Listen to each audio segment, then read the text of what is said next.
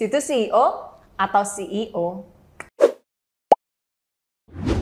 Halo teman-teman, kembali lagi ke Brand Advice Chat. Jadi pada video kali ini kita akan membahas seputar miskonsepsi dalam sebuah peran CEO dalam badan usaha. Jadi konteksnya seperti ini. Dalam suatu perseroan terbatas atau PT, khususnya di Indonesia, orang sering kali menganggap Chief Executive Officer atau CEO sebagai posisi kunci atau posisi utama pada suatu PT. Nah, selain itu, banyak orang yang menganggap bahwa CEO adalah pihak yang dapat mewakili PT dalam berbagai tindakan. Apakah hal ini benar? Bagaimana Pak Michael?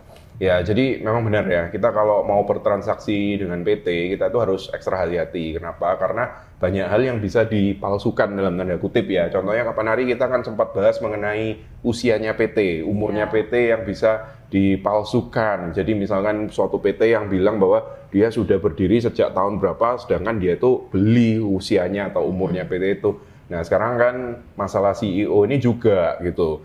Memang benar CEO ini merupakan suatu istilah yang sering diobral di Indonesia, khususnya ya kalau dari pengamatan saya di perusahaan-perusahaan yang lagi hype startup gitu ya itu biasanya selalu kan ditulis si orang kuncinya ini siapa gitu biasanya kadang seleb-seleb belakangan yang ada salah satu brand minuman ya yang menjadikan CEO salah satu seleb ngetop ini dijadikan hmm. CEO jadi seakan-akan langsung perusahaannya hype gitu kan nah padahal kita harus hati-hati siapa sih CEO ini sebenarnya gitu ya Nah, kita kalau ngomongin CEO, harusnya itu kan setaranya kalau dengan perusahaan di luar negeri. CEO ini kan uh, istilah luar ya, bukan istilah resmi Indonesia kan ya. Kita cek di kamus nggak ada istilah CEO. Kita cek di undang-undang nggak ada istilah CEO ini gitu kan. Kalau di luar negeri, CEO itu biasanya orang yang memegang peranan kunci untuk mewakili perseroan terbatas ini dalam day to day-nya juga termasuk mewakili keluar juga. Jadi kalau ada transaksi, ada deal, CEO ini yang mewakili. Nah, kalau kita ekuivalenkan dengan di Indonesia, dengan hukum di Indonesia terkait perseroan terbatas, ini ekuivalennya dengan direktur utama ya atau mungkin direktur kalau cuma satu orang. Jadi yang bisa mewakili PT ini secara day to day, yang bisa mewakili PT ini di luar maupun di dalam pengadilan, intinya kepanjangan tangannya dari PT ini, itulah CEO.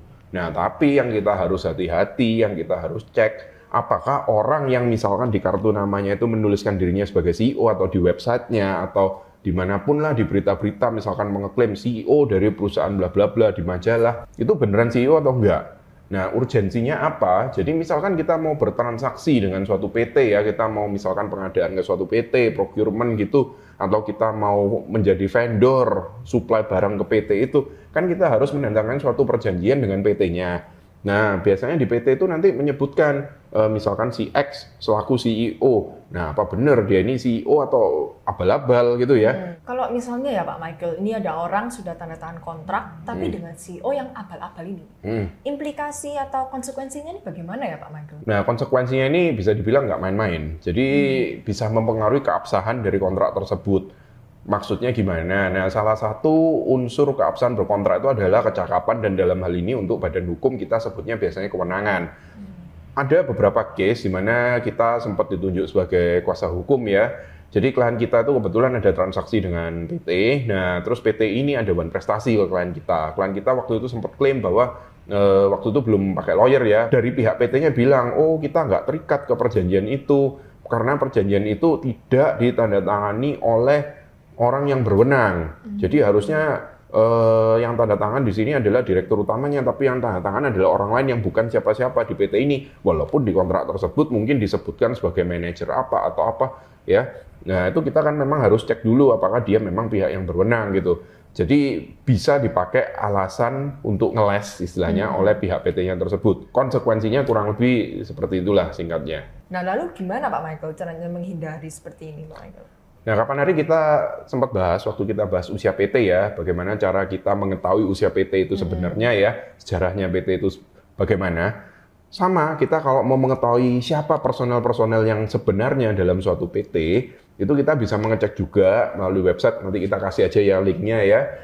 Di situ nanti jelas siapa yang di PT itu bertindak sebagai direksinya, siapa yang tergabung dalam dewan komisarisnya, ya itu kelihatan nanti. Jadi misalkan kita mau tekan kontrak, lalu yang muncul namanya di kontrak itu bukan direkturnya, bukan direktur utamanya, walaupun dia mengaku sebagai CEO, ya kita harus nanya, loh ini kamu kok tanda tangan ini berdasarkan apa?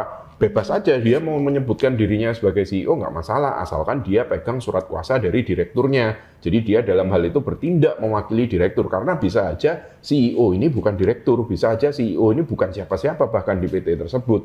Jadi kita bisa cek sih.